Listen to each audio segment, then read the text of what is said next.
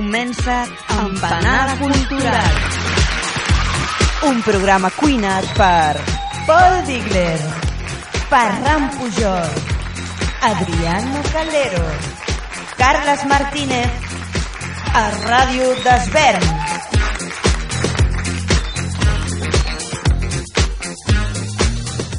Aprofitant que el passat cap de setmana es va celebrar el Da Film Festival, el Festival de Cinema d'Autor, volem fer una ullada precisament a aquest concepte, l'autor. Però abans de començar, què vol dir autor? Entenem autor com aquella persona que insufla molt marcadament la seva creació d'un estil i d'un subjectivisme clarament personal i diferenciat. El concepte autor, tal com l'entenem actualment, neix a la segona meitat del segle XX, per definir aquells directors de cinema que s'atrevien a córrer riscos, que aportaven coses noves a la conversa, a diferència d'aquells que seguien unes pautes preestablertes i replicaven sistemes institucionalitzats. Però al llarg dels anys, inclús el concepte peça d'autor sembla haver mutat, o podríem dir pervertit. El que fa un temps es considerava l'outsider, el que badejava el sistema, ara a vegades sembla haver esdevingut sistema. En definitiva, pot ser el nou mainstream. Ho veiem en cinema, amb el ja cliché blanc i negre o composició simètrica de plans, o els videojocs amb tants i tants indis que defugen de l'anomenat sistema AAA, però que s'acaben assemblant tant entre ells. Podríem pensar que en un moment actual on els mitjans i coneixements per poder produir una creació, sigui de la disciplina que sigui, són més accessibles i democratitzats que mai, tothom que es disposi a crear podria esdevenir autor. En un món on tothom crea, i ho crea com vol, tothom és autor. No sembla tan simple, oi?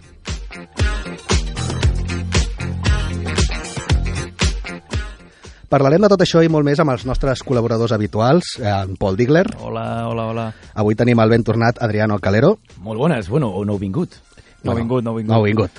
I jo mateix, Ferran Pujol. Eh, hem de dir que avui el Carles Martínez, el que va presentar la setmana passada, no és amb nosaltres. De fet, no sabem on és, només que ens ha arribat una cinta amb una gravació seva. No sabem què ha fet aquesta setmana, simplement ens ha enviat un àudio. Que de fet només has, has escoltat tu. Bueno, jo l'he començat a escoltar, però he dit, mm, ja ho veurem durant el Sí, programa. sí, perquè jo encara tinc dubtes si l'Adriano és el Carles o no, perquè jo crec que són les mateixes... Anem a veure, anem a veure si sóc una empanada al cap del Carles o tinc vida pròpia. Vinga, esteu preparats per aquesta segona empanada de la temporada? Doncs vinga, endavant amb el menú del dia. Menú del dia.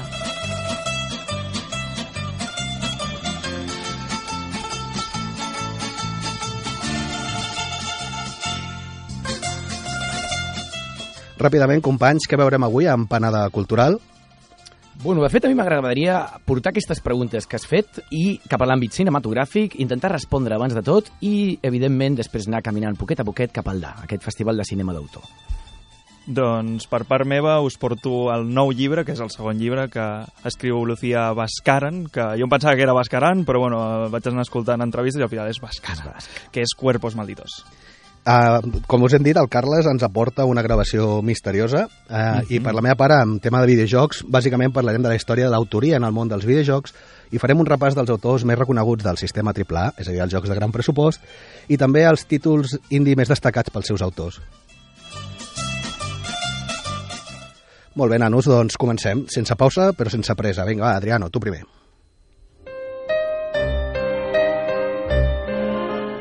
Cinema.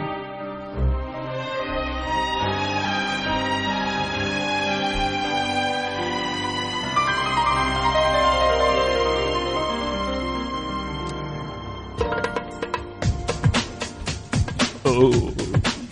Bona, bona. Molt bé, Ferran, continuem amb cinema i ho fem parlant de cinema d'autor. De fet, com hem dit al principi, tu ja has plantejat algunes preguntes que són molt adients per l'àmbit cinematogràfic, però en comptes de començar a ficar pregunta rere pregunta, què us sembla si intentem respondre? La millor manera, en comptes de teoritzar, és anar-se cap a un autor, un autor referencial com és Robert Bresson. Robert Bresson, de fet, eh, va marxar als anys 80, després de sis dècades fent cinema, però en sis dècades només va fer 14 pel·lícules. De fet, 13 pel·lícules i un curtmetratge. I a part d'aquelles grans obres, també ens ha deixat un llibre d'autoajuda, no? Diríem que és un llibre d'autoajuda per tota aquella persona que vulgui fer cinema i que ho vulgui fer des de la perspectiva de l'autor. Jorge Bucay del cine, eh? Ah, vaja, sí, no, tranquils, que em poso poètic al principi, però Eh, anirem agafant un tol més, molt, molt més informal. De quin llibre estem parlant? De notes sobre el cinematògrafo, eh? o notes sobre el cinematògraf. Aquest cineasta, en Robert Bresson, concebia el cinema des d'una perspectiva molt diferent i concebia el cinema com una mena de discurs que tenia tres escriptures. De fet, per què no parlem d'una de les seves reflexions, que es diu De dos muertes y tres nacimientos, i a partir d'aquesta reflexió tan poètica intentem entendre una miqueta més què vol dir ser autor. Y digo así, mi film nace primero en mi cabeza, muere en el papel, lo resucitan las personas vivas y los objetos reales que utilizo, que mueren en el celuloide, pero que colocados en cierto orden y proyectados sobre una pantalla, se reaniman como flores en el agua. En resum, estem parlant de tres... Sona, sona molt poètic, veritat, Ferran? Ho pots resumir i Però en el fons estem parlant de tres escriptures. Eh? Tota persona que es vulgui considerar un autor crec que ha d'assumir aquestes tres escriptures que formen part del procés cinematogràfic. L'escriptura de guió, l'escriptura de guió tècnic o direcció i, finalment, el muntatge. Però, clar, com hem dit, 14 pel·lis en 5 dècades. Ai, perdó, 14 pel·lis en 6 dècades. Un altre autor, per exemple, que us ve al cap, segur, Stanley Kubrick, Ahà. una miqueta més comercial, no per la seva intenció, sinó per les seves capacitats. Què va fer? 16 pel·lícules en dos curtmetratges en quantes dècades? En 5. Clar, fer bolleria industrial... Un Fer, un mind- fer bolleria industrial sempre és molt més fàcil que fer pastisseria artesanal. És veritat? Sí, sí. I clar, si ens hem de plantejar sempre el cinema dominant aquest control de tres escriptures, potser doncs no farem cinema. Podem parlar d'aquest cinema més, més industrial també com un cinema d'autor? És a dir, precisament un discurs artístic que es vanagloria de tindre aquella connexió entre la pintura, la música, l'escriptura, la interpretació. Podem parlar d'una única autoria? Eh, És, és just això? De fet, ara estem escoltant encara una, una peça musical que és una meravella, no? Tothom que, Posa-la, posa-la, posa- puja-la, tothom que estigui una miqueta posadet amb, amb el cinema japonès ha relacionat aquesta cançó amb Brother de Takeshi Kitano. I Takeshi Kitano, ningú no dubta que és un gran autor. Però clar, molt autor, però no farà la seva música també, no? En el fons, de qui estem parlant és de Yoe Hisaishi. I Yoe Hisaishi i Kitano han col·laborat molt, però és que Yoe Hisaishi també ha col·laborat molt amb Hayao Miyazaki, un Oh. altre gran autor. Eh? Porco Rosso, La princesa Mononoke, Mi vecino Totoro... En el fons, podem parlar d'un autor, per què? I ja que parlàvem de música, perquè m'agrada veure el cinema com una suma de talents, no? Una suma de talents que va sota el paraigües del director. Una mena de director d'orquestra que guia els seus músics per un camí determinat, en una direcció determinada. I és així com sorgeix la autoria, eh? Amb una intenció, un estil, una temàtica, un llenguatge cronqueret que repeteix pel·lícula rere pel·lícula. I bueno, hem parlat de Kitano, estem parlant també de... Miyazaki de, un autor, Exacte, clarament. de Miyazaki. Però qui tenim a casa? Eh? Qui tenim a casa i poquet a poquet ens anem apropant al DA. Perquè el DA, que és un festival de cinema d'autor i que s'ha acompanyat aquest any de Valeria Brunita d'Esqui, de Hong Sang-soo, de Ben Whitley, de Laf Díaz, Simon Liang, Carlos Reigadas, Odiar, Honoré, Garrel, un munt d'autors, no? De fet, si us heu adonat, molts d'aquests noms són asiàtics, no sé si ho sabeu, una curiositat, el Festival del DA sorgeix perquè precisament el BAF no acaba funcionant. Us en recordeu del Sí, BAF? sí, sí, tant, sí, i tant. Barcelona Asian Film Festival. Film Festival, sí. Me'n recordo perfectament com quan va acabar el, el, el BAF estàvem que moríem, deprimits. Al cap de pocs anys va sortir el DA i tots coneixíem que un dels seus organitzadors era del BAF. Clar, és per això que el cinema asiàtic continua sortint, ja sigui com a autor o ja sigui com en el passat en forma de BAF. Llavors, tornem a casa, tornem a casa. Qui tenim? Perquè, clar, han passat tots aquests noms, però a mi m'agradaria parlar del nom tancat el DA, no? en Carlos Marquès. Carlos Marquès Marcet. Un autor, sense cap dubte, un autor que de moment porta tres pel·lícules de ficció, sí que és veritat que ha fet una TV movie, també ha fet un parell de documentals, i com no pot ser d'una altra manera, per poder ser un autor es comença amb els curtmetratges. Llavors ara, que estem parlant del DA, que mencionem el tema curtmetratge i que men mencionem el tema de Carlos Marquès, què us sembla si parlem una mica d'aquesta nova autoria catalana? Una nova autoria catalana que ha sorgit i que es veu molt clarament quan el Festival del DA, en comptes de premiar aquests noms que he dit, es dedica a parlar de la nostra casa. No? A casa que tenim Albert Serra, Isaac i la Cuesta, uh -huh. però no formaria part d'aquesta nova autoria catalana. Quan parlem de nova autoria catalana, per exemple, Ferran, es Home. diu 1993, Exacte. Carla Simón, ara està rodant a East.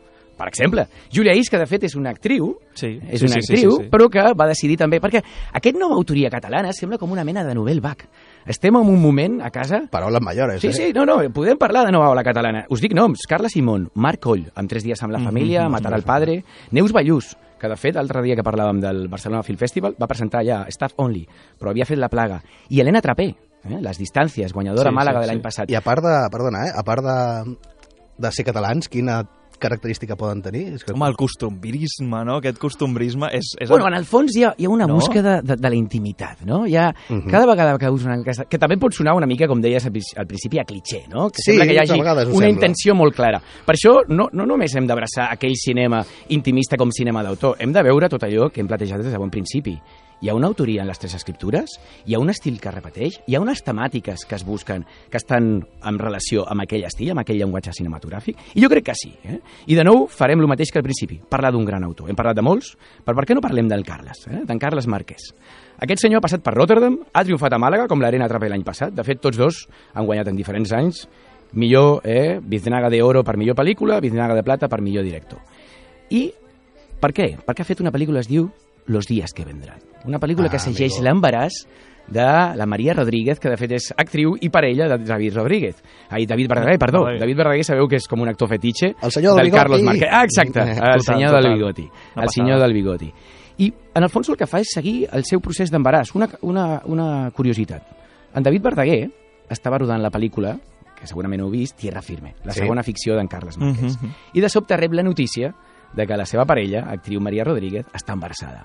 Llavors el Carlos Marquès li dona uns dies de vacances, però li dona, li dona un ordre, o, o una, una suggerència, però que s'ha convertit en un ordre. Seguir l'embaràs de la Maria Rodríguez i fer una pel·lícula de ficció, en el fons, partint d'un document real, però fer una pel·lícula de ficció a partir d'aquella realitat. Perquè en el fons no estem davant d'un reality show, eh? No estem veient Sí, sí. una pel·lícula que sigui un reality show, estem veient una pel·lícula que aprofita aquella sensació, aquella situació d'embaràs per construir un, un discurs. I quin discurs té el Carles Marquès? L'estil, queda molt clar, és un estil directe, quasi domèstic, de vegades busca allò impúdic, no? Està molt a prop dels personatges, dels actors, en el fons, però finalment dels personatges, i ho podem veure en les altres seves pel·lícules, no? Tenim la primera, 10.000 quilòmetres, que en el fons parla d'aquella intimitat, però de com la intimitat moltes vegades estableix una dificultat d'entendre l'altre. Eh? Lo circumstancial, el circumstancial de l'amor. Sí, sí. Què és lo circumstancial en aquell moment? Que aquella parella està a 10.000 quilòmetres de distància i per tant és molt difícil entendre l'altre. De fet, hi ha una frase que ell ofereix que a mi m'encanta, que va dir nos inventamos el amor para perpetuar la especie. No? I en el fons es pot veure amb el seu cinema. Tierra firme de què parla? Opinions trobades. Mm? En el fons, hijo sí, hijo no. Mhm. I finalment, amb los dies que vendran, sí, tenim un embaràs. I ara està molt de moda dir, estem embarassats. Sí. Però qui està embarassat? Ella. No fotem. Està embarassada ella. Llavors, com pots entendre l'altre si la teva realitat és molt diferent, tot i que compartiu un camí conjunt? Sí, sí. Home, jo crec que el seu cine té una marca totalment d'autor i, i, i ja no sigui per temàtiques i a part d'actors, no? que també el David Verdaguer repeteix molt, però és una passada aquest tio. O sigui, se li ha de seguir la pista és, és molt, potent. De fet, de fet eh, acabo d'escoltar de que li agrada molt la ciència-ficció. Eh? Quan hem de- parlat de perpetuar l'espècie, això ja us estava convidant directament a pensar en un discurs molt més filosòfic. I, de fet, eh, potser, com que ara ha tingut com a referència amb aquesta pel·lícula, des del Linklater, per la qüestió del Ah, pas del Boyhood, temps, Boyhood. fins l'Alien, fins l'Alien, per la por del ser interior, no? Bueno, en parlarem més endavant, aprofitarem la tertúlia per continuar amb aquests autors que hem mencionat al DA i sobretot m'agradaria parlar d'una cineasta que arriba amb força, que no estava amb el grup de la nova autoria, però que arriba amb molta força amb els curtmetratges, Irene Moray. D'acord, De doncs... fet, tenim les seves Sí, paraules. sí, Ferran. hem, hem aconseguit parlar amb ella. Genial, Adriano, un interessant repàs. I atents per això, perquè dius que tens eh, coses interessants a plantejar-nos després a, a l'agenda i a la tertúlia sobre Ho farem, ho farem. Ja D'acord, doncs ja teca. ara podríem seguir endavant amb en Paul Digler, que ens porta una proposta literària. Llibres.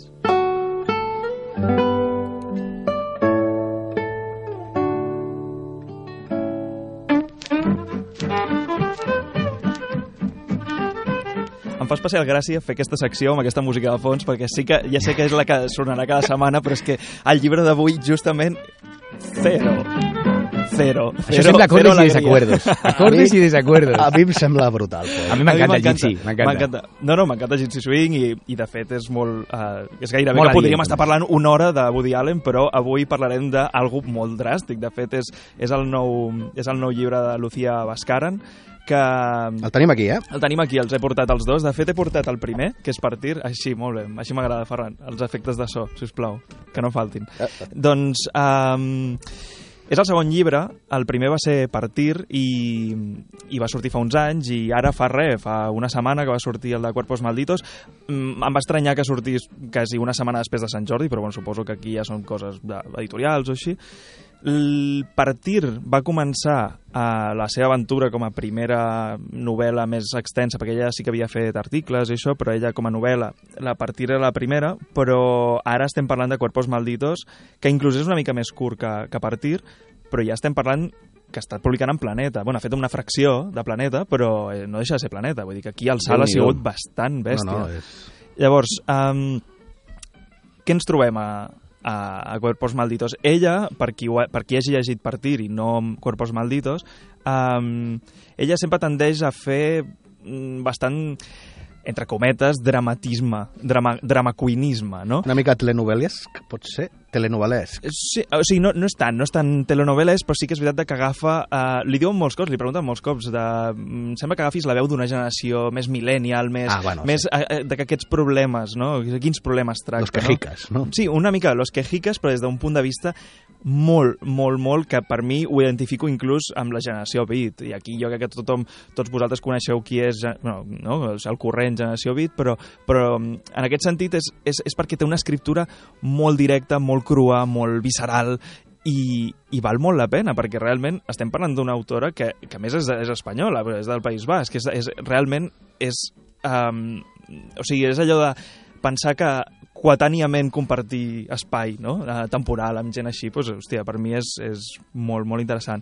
Llavors, de què va? Cuerpos, Cuerpos Malditos jo crec que agafa molt més dramatisme que, que a partir des del punt de vista de, de, de, bueno, de, de fet d'on parteix la Ja història amb la premissa és per lo que la veig aquí. premissa, que és la història de- d'Alicia, que és una noia bastant jove que des del minut 1 doncs, ja t'ho plantegen de que ha perdut la seva parella. Um, S'ha mort el seu nòvio i a partir d'aquí és quan comença tot un viatge d'aquest punt aquest punt de, uh, que viu envoltada sempre de pena, però potser no és només pena seva interna, sinó que és la pena que li transmeten als altres, no? O sigui, és eh, tota la gent que la troba pel carrer, hòstia, pobrecita. De fet, hi ha una cosa que es repeteix bastant a la, en el llibre, que és pobrecita niña, no? que sempre és com aquesta condescendència Sí, brutal, condescendència. brutal.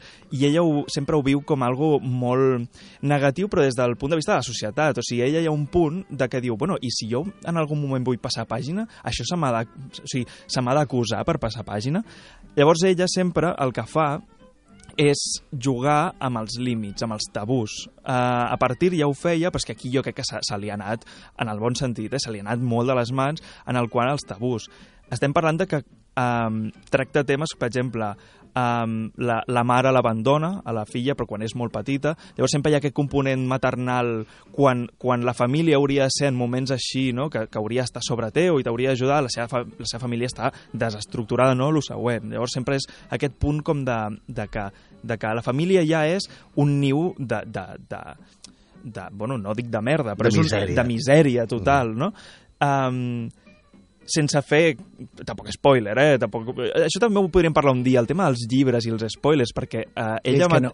Exacte, és... No perquè... es pot parlar de spoiler amb un llibre. La meva No, teoria, Exacte, la meva teoria sempre ha sigut una sèrie, el dia següent la pots destrossar. Una pel·lícula, dona-li una setmana, un llibre mai. Bueno, de fet, un que llibre, aquests- un llibre mai. Un llibre és però- llegeix-te'l. No, No, no, no, no, no jo, jo, aquí, aquí ve... Aquí, això, vale, digues, digues, digues, Adriano. Perquè tinc una Ràpidament, amiga, ràpidament, tinc una amiga ràpidament. Que el que fa sempre, per no tindre aquest input de curiositat, encara que sigui un thriller, agafa l'últim capítol i se'l llegeix. A mi Això ho fa em sempre. sembla una molt mala sempre. pràctica. I després comença a llegir... No, perquè en el fons, el viatge que tu adquireixes amb un discurs literari no està amb el final, no està amb... Això és molt, molt, molt típic, no? El camí no està a, a la cima de la muntanya, està amb el camí, no? Fem una Aquí- cosa, Adriano, deixem i- i aquestes converses per més endavant. així. Anem, a, Aquí anem a ve. deixar això per Aquí més ve, endavant. aquí ve. Continua, Pol. Aquí ve, perquè eh, a una entrevista que vaig escoltar a la Lucía, eh, que li van fer a Radio 3, eh, ella explicava pràcticament tot el llibre, i era increïble, perquè jo pensava, però, però si a més ets tu l'autora.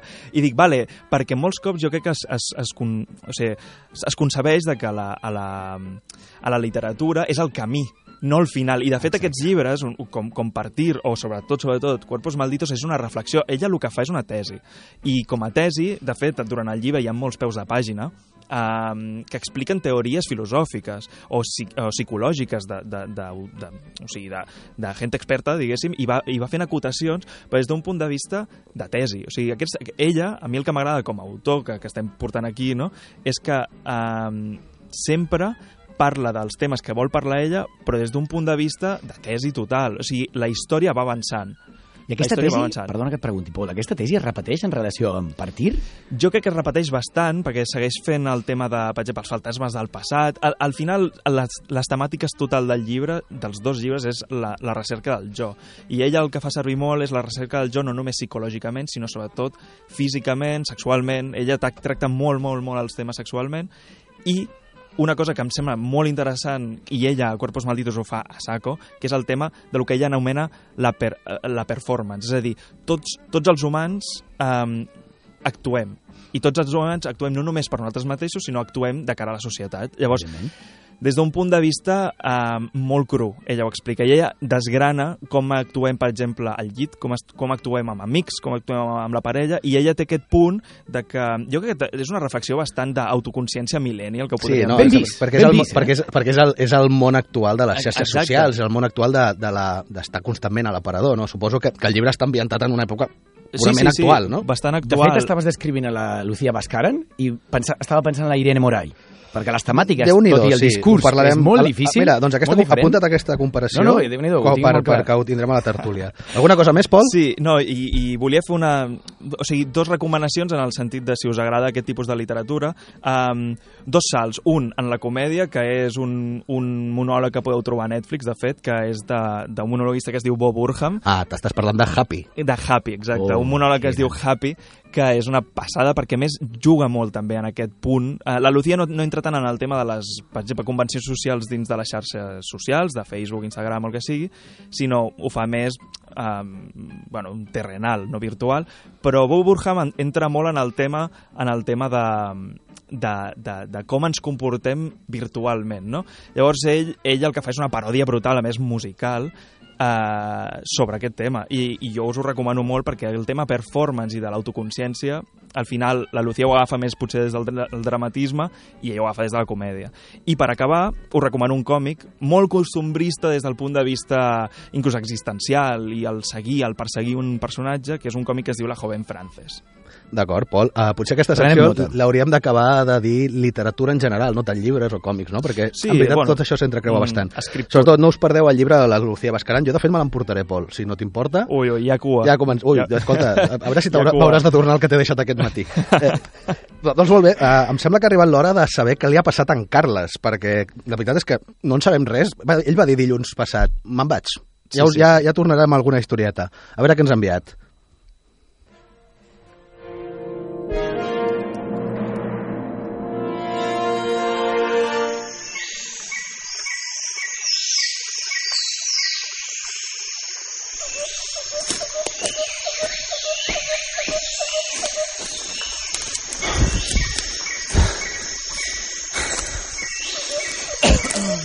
Nois.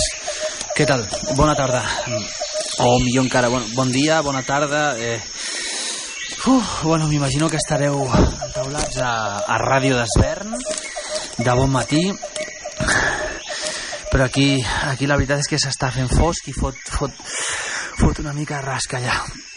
Aviam, el primer de tot, què estic fotent aquí? Us preguntareu eh, què està passant. La veritat és que us puc explicar ben poca cosa. no per res, eh, de poder podria dir-ho, el problema és que no sé on coi estic ara. Aviam, perquè us fa una mica la idea, us, aviam si us puc posar en situació.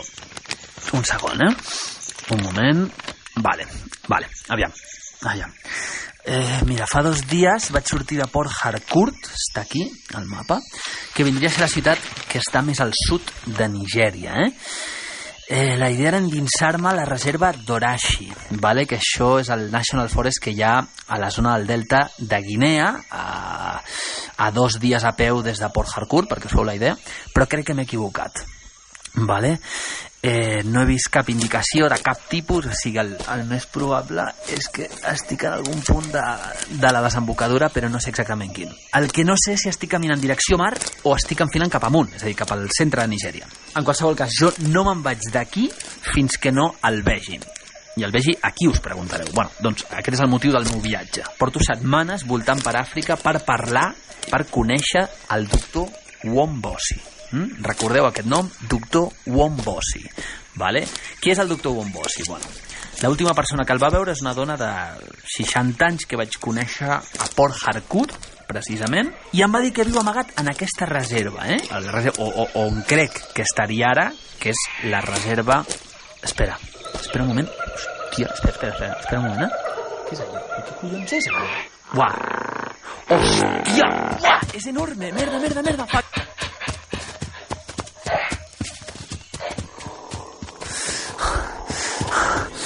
Un segon, nois. Un moment, eh? Merda, merda. Hòstia. Fuck, fuck, no, no, no, un moment, no, no, no. Merda. Merda, merda, merda, merda, merda, merda. Buah, buah. Joder, quin susto. Buah. Buah, era gegant. Buah.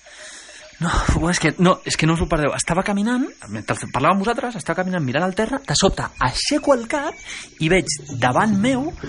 Però, espera un moment, espera un moment, espera un moment. Però, però què cony passa ara? Però què? Merda, merda, merda, s'està apropant, s'està apropant. No sé què si s'està apropant. No, no, no, no, no, no, no, no. Ah! Who are you saying your person? Identify yourself or I'll kill you with my weapon. Ah! No, no, no, please, Do not please, move a please, finger. per favor. Do not move a finger or I'll nail you with my spear deeper. on Journalist, working trip, look, working trip. I'm a friend. Please, please, please, don't kill me. Read this, read this, read my ID card. My ID card, please, You. please, please. Martinez, agent what is this? How, how you pronounce this surname? Carles Martínez Ajenjo. That's my name. That's my name. Carles Martínez Ajenjo. Okay, okay, okay, okay. Working trip, no problem. No furtive hunter, no pirate, no enemy. Okay, well, so w- welcome to Nigeria. Welcome to Nigeria, my friend.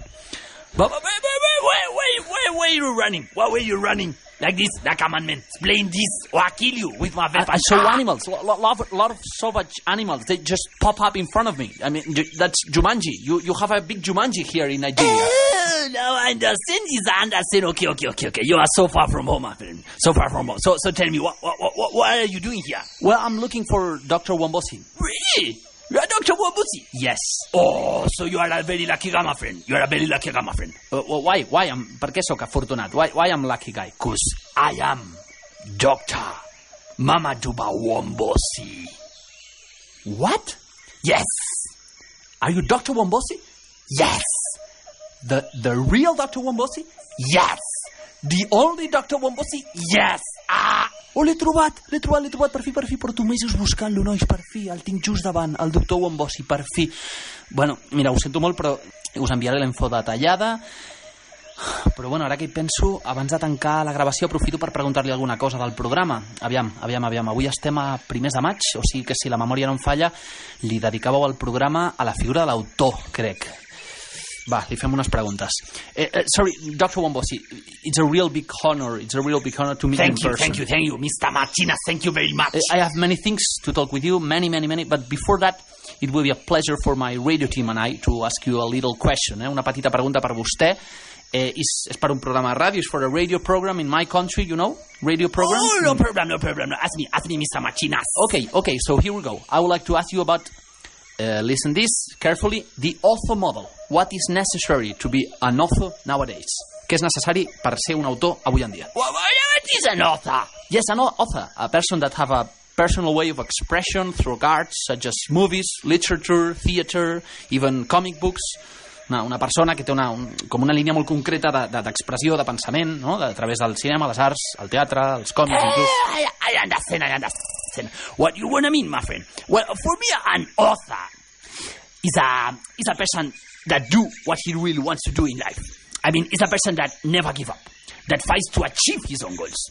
He might have problems, he might have depressions, he might think that all his work is bullshit and he's straight and he's a crazy. Ah, but an author still fighting to achieve his goals.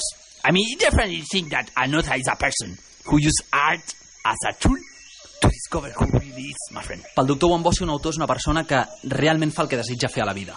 Eh, que mai es rendeix, evidentment li sorgeixen obstacles, hi ha moments en què ho veu tot negre, com si no hi hagués sortida, ens ha passat a tots, però la diferència és que l'autor segueix lluitant, i lluitant, i lluitant, i lluitant per aconseguir el que vol. I ha acabat una frase, penso que és molt reveladora pel programa d'aquesta setmana, que diu així, autor és aquella persona que utilitza l'art com a eina per descobrir qui és en realitat. So, Mr. Wombosi, last question. Eh, quote an author, citi un autor, eh? un autor que per vostè sigui important, an author that is important for you, please. If I have to choose one, I say, I would say, I would say, I would say, Charlie Chaplin. Chaplin, hòstia, no m'ho esperava això. I, I remember watching his picture in Abuja, in the capital of Nigeria, when I was a little kid. The gold rush, the seekers, modern times. Oh, yeah, these are big masterpieces, my friend. He just needed a woman and a camera, and it's done. It's done, my friend. What a genius! What a big author! And he was so, so, so funny. I remember him with that mustache and that hat. it was so funny, so, so funny, Mr. Chaplin with that jet. Ja, ja ho veieu, nois, fantàstica aportació la que ens ha fet el doctor Wombosi per al programa aquesta setmana. Malauradament ho hem de deixar aquí. Eh, doctor Wombosi, thanks for sharing your point of view with my radio team. Now let's have this conversation without electronic devices. Uh, want to say something else to our audience? Alguna cosa més per la nostra audiència? Yes, I send kisses, lot of kisses to all of you. I hope we meet someday. Oh, if you come to Nigeria, you will be my guest. You will be my guest, and I will cook for you. Especially if you are Vermin. Ah, if you are Vermin, I have a big surprise to you.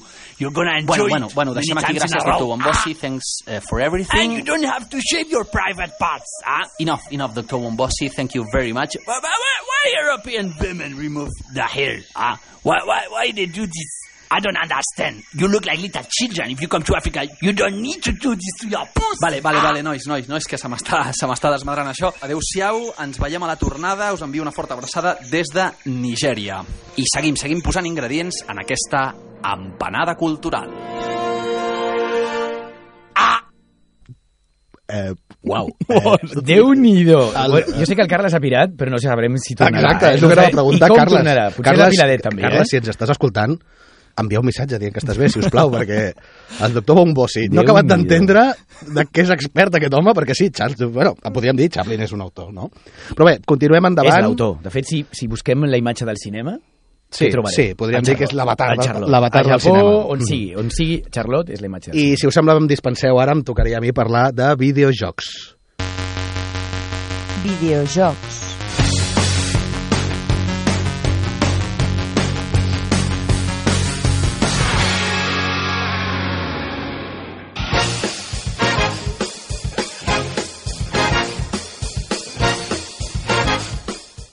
Bé, eh, doncs us vinc a parlar de l'autoria en el món dels videojocs.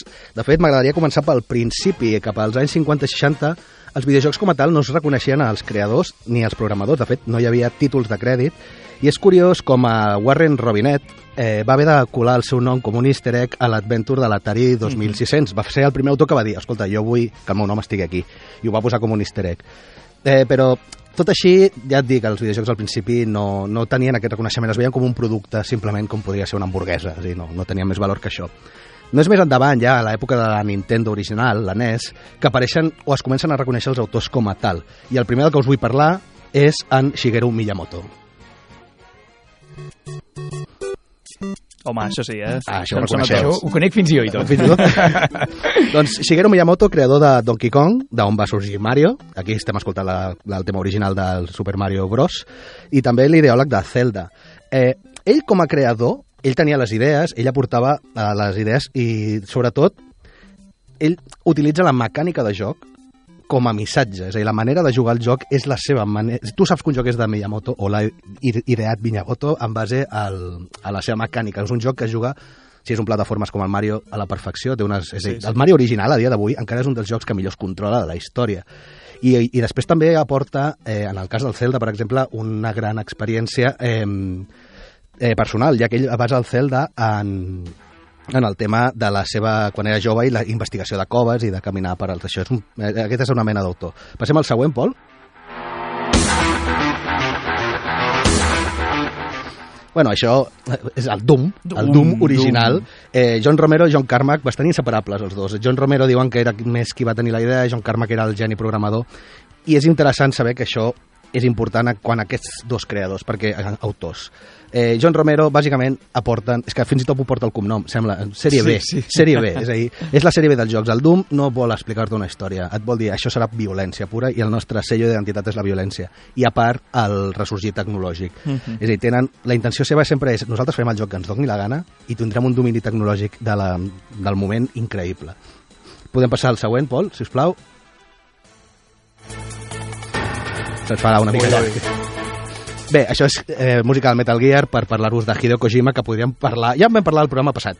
És el director wannabe. Ell sempre ha volgut ser director de cinema i al final sembla que ho està aconseguint a través dels videojocs. sí. A, a costa dels jugadors, Exacte, potser. exacte, sí, però- mirant la pantalla. Però un joc de Kojima sempre és reconeixible per les seves trames, eh, que acostumen a ser bastant eh, sociopolítiques, eh? S'ha de dir que sempre li agrada molt... Molt dens, molt dens, Sí, no? a part sempre té girs de guió i, i li agrada molt i el tema que té també és això, la densitat narrativa. Però bé, eh, sempre és un tio molt seriós. Eh, Se'l coneixen per jocs com Snatcher, Paul Icenauts o la saga, Clar, sobretot, Metal Metal Gear. Gear.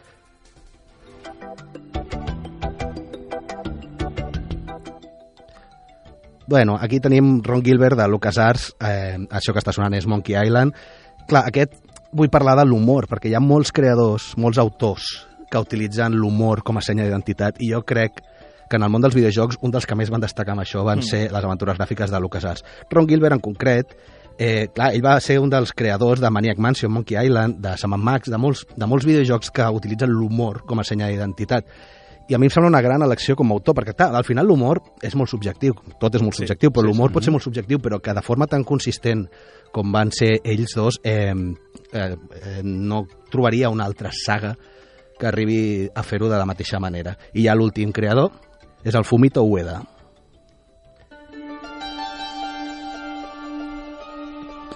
Volia parlar de Fumito Ueda, eh, que és el creador de, del Ico, Shadow of the Colossus, i l'últim joc és el Last Guardian, que bàsicament també són molt reconeixibles, però ell fa la poesia feta a videojocs. Els seus jocs són contemplatius, Exacte. són lents. De fet, acostumen a ser jocs de mecàniques molt senzilles, molt senzilles, i que es disfruten més pel que veus, per, pel que sents, que no pel que fas o el que el joc acaba eh, desenvolupant com a història. És quasi una experiència... Sí, no, no, és, jo, jo sempre recomano que qui no hagi jugat mai a un videojoc, el primer joc... El primer Sí, joc sí, bueno, és bastant, perquè és molt, o sigui, són jocs molt ambientals. Sí, sí, sí. Ico jo recordo que era... Buah! No, però jo sempre recomano que si algú no ha jugat mai a un videojoc que comenci jugant al, Last- al Shadow of the Colossus Sí, sí, sí, i entendrà perquè hi ha Prenc tanta nota, gent. prenc nota perquè ha- ja sabeu que jo sóc un ignorant tant, a part que és un joc relativament senzill, en què que qualsevol persona pot jugar-lo, és un joc que et fa entendre perfectament perquè hi ha tanta gent que se'ns cau la bava veient un videojoc. Vinga, ara vull passar a parlar ràpidament dels indis.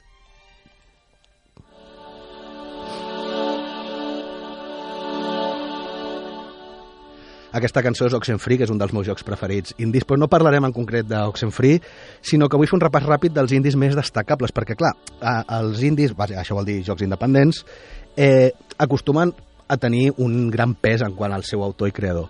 Un dels primers indis que la gent va poder reconèixer és Minecraft.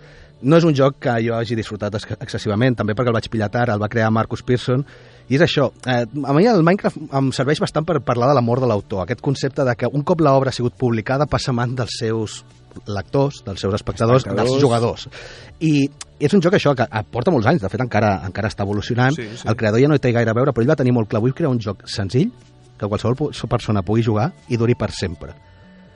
Després us vull parlar de Stanley Parable, que és un joc del David Braden, que està fet Mira, eh, tema pocs recursos, eh, que això també es dona molt amb, el, amb els indis, d'utilitzar recursos molt, barat, molt barats. Utilitza el motor de Steam. El motor de Steam bàsicament són recursos gràfics i de programació d'una plataforma de videojocs que els tenen obert i diu, si vols crear videojocs, utilitza el nostre motor sense problema i acaba fent una de construcció utilitzant l'Stanley Parable. És que no us puc explicar res perquè l'Stanley Parable és un joc, tu, jo- Pol, has jugat. Sí, sí. Eh. Bueno, i- vam i estar vaig- un dia jugant a casa teva amb tots els finals possibles. Exacte. És un joc, bàsicament, hi ha un... Eh, Que és un Bandersnatch o què? No, Bueno, eh, Bueno, té un, Va, com, té- tots els videojocs té- tenen té el això. rotllo, té un però rotllo. el, el Stanley Parable, bàsicament, tu ets un home que treballa cada dia a la seva oficina, cada dia vas a treballar, cada dia fas el teu horari, i de sobte hi ha una narració que et diu però aquell dia l'Stanley, que ets tu, Mhm. va fer una altra cosa. I tu vas seguint la veu en off, però com a videojoc pots portar-li la contrària. I aquí és on el joc Molt es desenvolupa. És un trencament i una deconstrucció dels videojocs.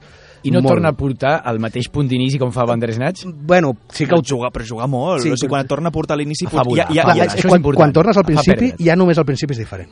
Sí, sí. No és un joc que, que jo, bueno, com a mínim, les hores que hi vam jugar junts eh, va ser com va ser com de, de, de, de, de, d'anar descobrint, de dir, però quantes hores puc seguir jugant aquest joc, amb quants finals hi havia, més o menys? Eh, em sembla que eren 16 finals. Ah, bueno, encara em semblen pocs. Però clar, és que dintre de cada final... És a dir, que al final són els finals, després hi ha les branques Ah, vale, mig. clar, les branques. Però després, per, hi ha últim joc d'indie que vull parlar, que potser és el més famós, és l'Undertale de Toby Fox, que és una deconstrucció de, de l'RPG, del, del joc de rol tradicional, eh, que té un domini del gènere, és a dir, és molt autoreferencial, és molt referencial del gènere, és un joc que només pot ser eh, postmodern, és un joc, és a dir, estem en una època on tots els videojocs eh, d'autor acostumen a ser bastant postmoderns, que fan molta referència, són molt cínics, però aquest té un component d'autenticitat, eh, juga amb sistemes que semblaven intrancables, com el sistema de moral, i a part utilitza molt bé la nostàlgia. Déu-n'hi-do.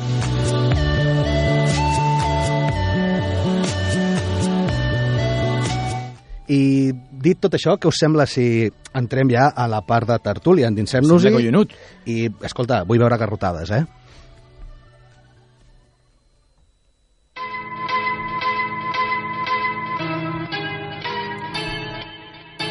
Empanats encarats.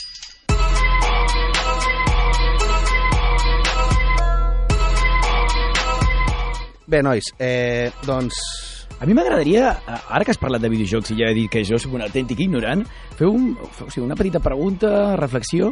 En el fons, si ens adonem no, de totes aquestes branques culturals que hem estat parlant, d'aquesta gran empanada, eh, cinema i videojoc, tot i que semblen tan Sí. diferents... No, però els, els, trobo, Sí, sí, els sí, començo sí, a sí. trobar que van afins, perquè clar, quan parlem de literatura, quan parlem de música, ja sigui encara que hi ha bandes de músiques, en el fons, la literatura, la música, la pintura, qualsevol artista, des d'una perspectiva individual, la pot portar a terme. Jo crec que aquí, Però amb el eh, cinema i el videojoc jo és impossible. Hi ha una cosa molt interessant que, que vas dir tu, Ferran, la setmana passada, que és, jo crec que molta gent que descarta els videojocs com a una altra eina d'explicar històries, justament se n'està perdent de moltes i de molt bones, perquè a més incorpora una cosa que el cinema no té, que és el tema de la interacció. Exacte. Bueno, Sí, s'ha intentat, eh? Amb el cinema eh, s'està intentant. I de fet hem parlat del cas de Bandersnatch, sí. encara que sigui una mica... Eh, no, és curiós, ja ràpid per això, és veritat que semblen com molt cosins germans, també perquè hi ha, hi ha una manera de- d'enfocar els videojocs actualment que és narrativa. Sí. hi, ha, hi ha jocs, Sí, tu pots sí, jugar sí, al Tetris, no tens una història, és una qüestió de jugar, és De fet, joc. tu has estat parlant tota l'estona del llenguatge, Sí. en el fons, que vendria Sí, a ser sí. també en el cinema, el llenguatge cinematogràfic, i de temàtica.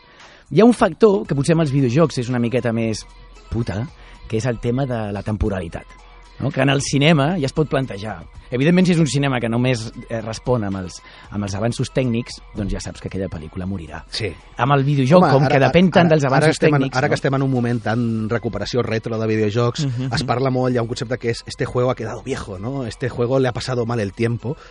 Ah, S'ha de tenir molt en compte, això ho has dit molt clarament, com els efectes digitals al cinema, o com els efectes de cinema, Mhm. si tu només apostes a la tecnologia del teu joc, arribarà, la tecnologia sempre millorarà sempre millorarà. Llavors, sempre arribarà un punt que la Sí, teva sí, pel·lícula, el teu videojoc, que en aquell moment era com, oh, ostres, jo me'n recordo, no jo me'n recordo quan vaig jugar al Metal Gear 2, el primer cop que vaig dir, és que és impossible que facin millor que algú que això, ja estem aquí jugant Last of Us i bueno, amb el Red Dead Redemption. Clar, tothom ara està amb el Red Dead Redemption 2. Ostres, que és que com ho poden millorar això? Ho milloraran i de fet ho faran més divertit. Ja parlarem algun dia del meu problema amb el Red Bueno, Dead perquè el Redemption. videojoc té aquest punt episòdic, no? També, com les sèries de televisió. No, Aquell però... Punt de... Sí, però, però parlàvem de- enganxar, parlàvem- enganxar. Parlàvem, sí, però parlàvem de l'aspecte tècnic, no? El fet de que, clar, el videojoc que perdurarà serà aquell que et plantegi alguna més que simplement la tecnologia, perquè si, sí, tecnològicament és impressionant, però no t'aporta res més des de joc fins a temàtica o narrativa, com una pel·lícula. La pel·lícula pot ser... Ah, potser les pel·lícules eh, sobreviuen una miqueta més a això que no els videojocs, eh? Però bé, eh, tornem un altre cop al tema de l'autoria, Em sembla perfecte. I em sembla, Adriano, que havíem deixat penjada una coseta, no? Sí, clar, perquè hem estat parlant tota l'estona de l'autoria al cinema, algo ben bé molt complicat, però des de quin, des de quin, des de quin motor es pot parlar d'autoria sense complexos? Des del curtmetratge. Perquè el curtmetratge eh, possibilita, eh, evidentment un aprenentatge i, un, i una guanya d'experiència, però a la vegada possibilita que aquells tres discursos, eh, aquelles tres escriptures, puguin ser dominades amb molta més facilitat. I clar, parlaven de l'Irene Moray, de fet, perquè hem parlat del Carlos Marquès, eh, que va tancar el Festival d'Aldà, però és que l'Irene Mera- Moray eh, no el va tancar, però el va guanyar. El va guanyar des de la perspectiva de curtmetratge. Va Sí, guanyar en el el premi cas- a millor De curtmetratge fet, és el premi del públic a, millor, a Exacte. curtmetratge, que bàsicament és gràcies el a Suc premi. de Cindre. Sí, perquè cada vegada més Aldà aposta per... Has dit el Cures? El curt és suc de síndria. Ahà. Suc, suc de síndria ja repeteix alguns conceptes que, que la Irene Moray va establir amb el seu primer curtmetratge, Bad Lesbian. De fet, la Irene Moray va estar vivint un temps a Berlín i va ser allà on va gravar el primer curtmetratge. El seu segon, el que acaba de guanyar, parla d'una parella que, que, que marxa, que marxa a aquell entorn rural, i de fet també eh, el que pretén la, la, la, la directora és establir el seu, la seva mirada femenina a partir de l'actriu, no? De nou, eh, tenim totes aquelles directores, aquella mirada femenina que, que està nodrint aquest nou cinema, i en, i en aquest sentit el que fa la Irene Moray és intentar recuperar la sexualitat, eh? intentar recuperar una mirada possible Una normalització, societat, una, una norm- normalització, com hem dit abans amb la, amb la Lucía Bàscaran, Totalment. eh, en el fons el que vol és eh, redescobrir la dona, redescobrir, i ho fa com tu has dit en un moment, o com ha dit el Carles, ho fa a partir El Pol, de fer Pol. cinema. El Pol, el Pol. No, no, de fet ho ho dit El el, Car- Carles. dit el Carles. De fet ho dit el doctor aquest. Ah, el- el Bombosi. Ah, ah, el Bombosi. Ah! El, el que diu Bombosi, en el fons tots ho sabem, és que el cinema d'autor et permet trobar-te tu mateix. I, I tinc la sensació de que la Irene Moray ho fa a partir, de fet, de l'actriu eh, de Julia East. De fet, hem, parlat, hem pogut parlar no, amb la Irene Moray, hem pogut preguntar-li quatre cosetes Sí. sobre autoria i tal, i lo fàcil o no que resulta. La primera cosa que li vam preguntar eh, és, Adriano, Bueno, de fet vam estar parlant amb ella i li vam preguntar si realment avui dia els autors tenien més oportunitats. Per aquell puntet clitxé que m'ha estat dient, no? Perquè ella busca de l'intimitat. Hi ha més possibilitats?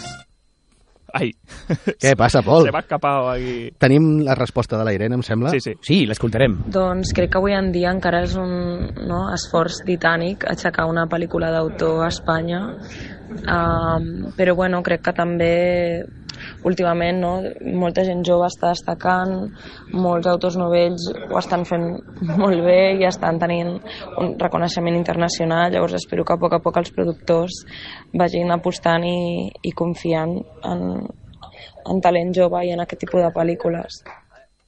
Bueno, què en penseu d'aquesta reflexió? Jo, de fet, entenc que ella tingui una mirada doncs, eh, punt positiu, punt pessimista, perquè, en el fons, començar a fer cinema és molt complicat. Clar, de fet, et reflecteix aquesta visió de que l'autor sempre, si ho enfoca sempre des de l'autoria, sembla com més complicat, no? Qui confiarà en mi? Exacte. Per això deia al principi, la reflexió inicial del programa, de ara que sembla més senzill, perquè els recursos estan més elevats, potser l'autor ja no té tant aquesta por, i li, i li vam I preguntar a la perquè hi ha molts festivals que, en el fons, estan donant Apostant, possibilitats, sí. estan apostant per aquesta gent Però jove. precisament la pregunta a la Irene era en plan, tu creus que amb aquesta situació ara és més fàcil? I ella sembla que ens està dient, home, la, la seva experiència li diu que segueix sent complicat. Home, Segueix jo crec que també és, el, és allò del mercantilisme d'oferta-demanda, o sigui, també sí que és veritat que hi ha molta gent, o sigui, és alhora, eh? Hi ha molta gent Més que, possibilitat, que fa...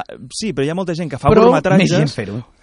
però més gent fent-ho, Eh. però alhora molts festivals, però també quins festivals. Llavors, jo crec que aquí mm, és molta oferta i molta demanda, però en excés. O sigui, a, a, al final el cine digital el que ha fet és... és, és no? És, és, Sí, la competència està garantitzada, és evident, però jo, jo diria que sí hi ha una miqueta més de possibilitat. Vale, uh, també li hem preguntat quines són les avantatges, perquè clar, si tu ets autor, en principi podries tractar el que vulguis. Li hem preguntat quines són les avantatges i desavantatges de plantejar un projecte des Des de del punt de vista no? de l'autor. crec que els inconvenients són obvis, no? Potser la falta de, de mitjans o pressupost per fer la pel·lícula com, com tu la voldries fer o, o la falta de... No? Que és més difícil potser trobar producció um, però, però bueno, crec que els avantatges és que hi ha una mica més de llibertat no? per, a nivell tant formal com de contingut per explicar la pel·lícula no? que vols explicar des de la teva perspectiva personal. Bé, insisteix de nou amb el tema de que sí, al final tu pots fer una pel·lícula amb baixa de recursos, però al final necessitaràs recursos, depèn de quina història vulguis explicar. Mira, jo no he vist, encara suc de Síndria, a Bad Lesbian sí que l'he pogut veure, perquè està Mhm. penjat a Vimeo, sense anar més lluny, eh, i mm, les seves pel·lícules, els seus curtmetratges acostumen a ser molt íntims, però clar, si ella fa una història a Berlín, se'n va a Berlín a rodar-la. Si ella no, no es talla, és a dir, al final tampoc has de sacrificar, per molt que siguis un, una persona de baix pressupost, eh, no, no has de no has de sacrificar les teves intencionalitats i això costa, vulguis o no. Llavors, tenir un recolzament darrere sempre ajuda, però clar, aconseguir aquest recolzament sempre és el complicat. Començar sempre és difícil, però de fet tinc entès que ella ha pogut fer aquest segon projecte i guanyar Suc de Cinta gràcies a haver triomfat amb Bad Lesbian. Perquè Bad Lesbian es van portar un premi. Llavors aquell premi és el que li ha permès poder rodar. Llavors una vegada bagas el rol, una vegada el ritme, jo crec que aquesta nena no pararà, no? Jo crec que aquesta cineasta jove ja no pararà. Mm -hmm. I, I en el fons estem parlant d'autoria, eh? perquè si veiem tots els curs s'estableixen els mateixos punts de vista. I Jo ho tinc pendent, eh? Jo aquests els tinc pendents I, totalment. I ja per acabar amb, amb la Irene, també, clar, òbviament, eh, és això, és una persona relativament desconeguda, li hem preguntat, per la gent que li pugui interessar, quins són els seus trets diferencials, si ella ja detecta alguna coseta a la, en el seu estil personal com a autora. I bueno, jo crec que encara estic construint el meu propi llenguatge, no? Crec que els meus dos curs són molt diferents a nivell estilístic, però que, que tenen coses en comú, no? I, I crec que en part els dos són molt honestos i sobretot es centren o prioritzen més les emocions que no potser la forma, no? Um, I res, jo també m'agrada una mica a cada història, no? Doncs trobar un llenguatge diferent per explicar la història que vull explicar. Òbviament, ella ja ho diu, està es començant. mulla, eh? No, no, clar, no, no, és que al final s'està Però trobant. sembla el mateix àudio, en el fons. s'està trobant. I mira, aprofitant aquesta frase, s'està trobant... Eh, abans havíem lligat una miqueta la Lucía. Bascara, Sí, sí, sí, sí. Bascaran, Bascaran. Bascaran, Amb la Irene amb la. Irene, no? que és el tema aquest de... A mi m'està venint al cap la idea de eh, que, ho diré en anglès, self-entitled estan els joves d'avui en dia. Bueno, m'incloc, eh, que jo també sóc un millennial. Ai, l'autor, espera que sale la vena d'autor. No, no, que jo també sóc un millennial, no? Vull dir que, jo, que, que, que, que, que els joves d'avui en dia estem com molt convençuts de qui som o no, i en veritat no ho estem gens i ens passem tot el dia buscant, no? Com comentava la Irene, que encara està buscant el seu estil, i com tu comentaves en, en el llibre, de que sempre hi ha una búsqueda del jo.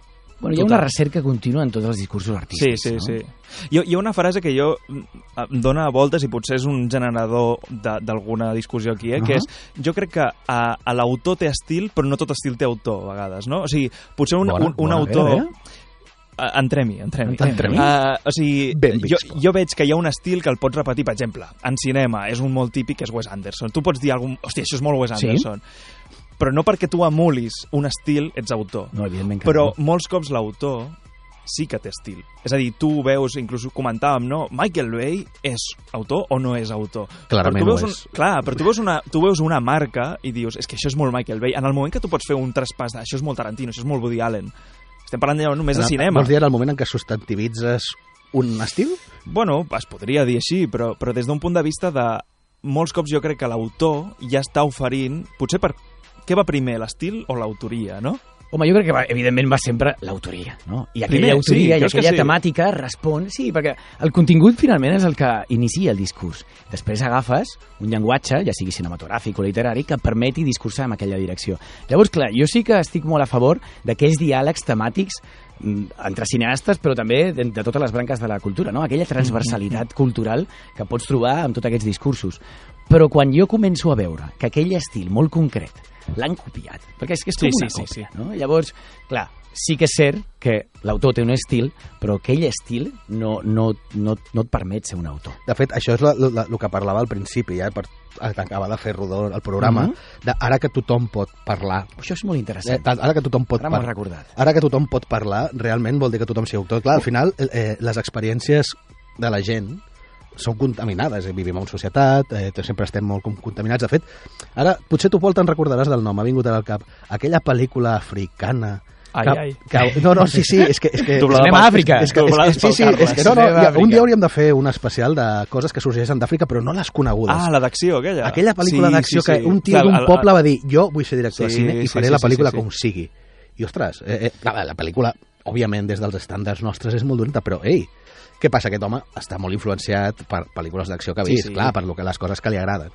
Clar, la meva cosa, la, en, en base a això que deia, si l'estil té autor o l'autor té estil, això són fórmules, al final. Eh, un autor que ha fet una pel·lícula d'autor, i podríem parlar de molts autors eh, reconeguts, el mateix has dit Anderson o, el, o si voleu Kubrick, Mhm. és un cop la teva, for, o sigui, la teva firma té èxit, es converteix en fórmula, no? De que els autors es com- s'autorepliquen constantment.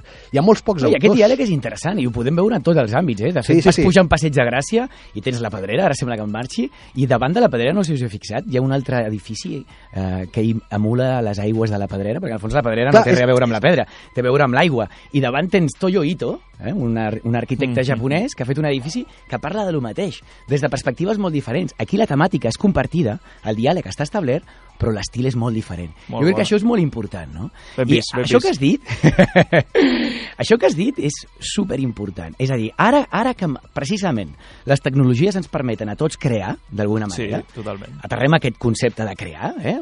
directament a, a, a, a fotos d'Instagram, tothom fa la mateixa foto. Quants vídeos hem vist penjats a YouTube Mhm. de eh, dones amb gatets o d'homes amb gatets?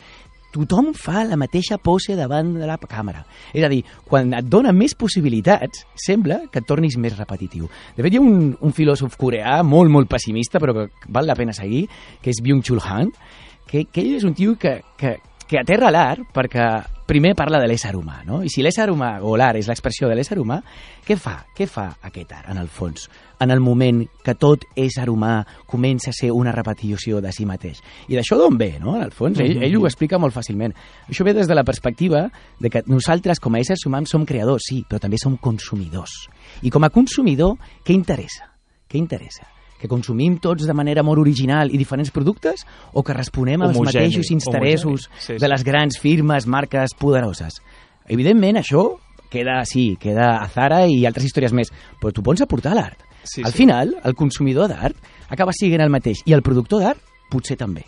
Llavors, eh, és un tema molt delicat. Sí, no, no, Adrià, no, és, és una llàstima perquè ens estem començant a quedar sense temps, queden 5 minutets de programa, i és un tema molt interessant i no descarto tornar-lo a portar, eh, perquè em sembla que ens hem deixat bastanta cosa fora. En especi- a, a, a, bueno, Necessitem dues hores o què? Sí, sí, haurem de demanar un especial, ja només començar. Escucha, que llevamos dos programas y queremos, nada, las mañanas de Sant Just. Dona temps d'agenda? Sí, home, sí, dona temps d'agenda. Vinga, va, avancem cap a Molt a l'agenda. veure.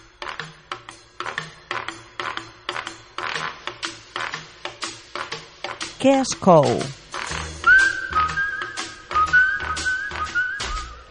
Bé, l'agenda la farem aquí molt ràpid. Jo, per la meva part, de tema de videojocs, us vull parlar, seguint amb els indis, de que el pròxim 31 de maig surt per la Play 4 i la Switch el format físic del Hollow Knight. Brutal, Un, sí, sí, un, cas, un Castlevania indie amb un estil gràfic molt diferenciat i em consta perquè jo no l'he arribat a jugar És una sencer passada, és una passada que, el joc. que és un joc també molt emocional Molt, molt, molt introspectiu, molt ambiental, molt, molt, molt. Després també us vull parlar del Rage 2, que és la seqüela del suposat successor del Doom, que va sortir allà el 2011 de Bethesda. Eh, bàsicament és un shooter de primera persona open world i sortirà per PC, PlayStation 4 i Xbox One el 14 de maig. I per últim, de marcar, eh, remarcar que ha sortit ahir, ahir al migdia, em sembla que va ser, Sí, a divendres, YouTube, divendres. a YouTube, gratis. Ahir, ai, perdó, divendres? Sí, sí, però bueno, a Sí, YouTube. el dia, sí, va, obert, sortir, va sortir divendres a YouTube, gratis, per tant, un documental sobre com es va fer l'últim God of War. Jo l'he estat veient, no us el perdeu. Ara bé, si no heu jugat al joc, no el mireu. I de fet no sé què feu si no heu jugat al joc.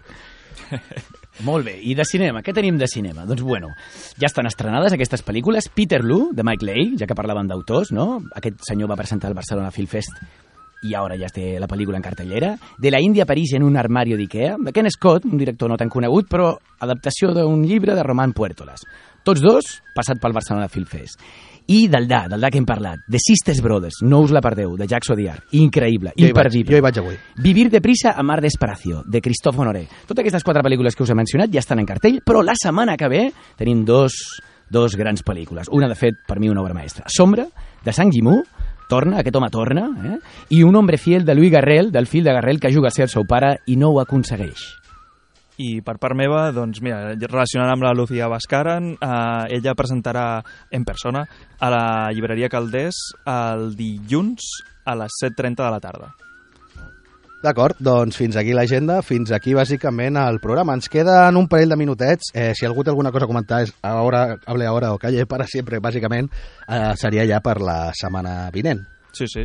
Uh, Genial. algú voleu comentar alguna No, en coseta? no. doncs molt bé, doncs fins aquí hem arribat. Avui hem estat parlant d'autors amb Adriano Calero, moltes gràcies, Un amb el plaer. Paul Digler i esperem que el Carles I el estigui Carles, i el Carles. El Carles, esperem ver, que estigui on bé. el Carles? Doctor Wombosi, si nos escucha, por favor, trátenoslo bien, que lo necesitamos. Vinga. Doncs, uh, nois, em sembla que fins aquí hem arribat aquesta setmana. Uh, ens veiem el pròxim diumenge, ens escoltem, de fet. Sí. És que soy tan visual. Bueno, ens veiem nosaltres, també. Ens, ve, ens veiem nosaltres. Menja- Projectem imatges quan parlem, home. Ens veiem el pròxim diumenge de 10 a 11 a Sant Just, Ràdio Sant Just. Vinga, adeu. Fins aviat.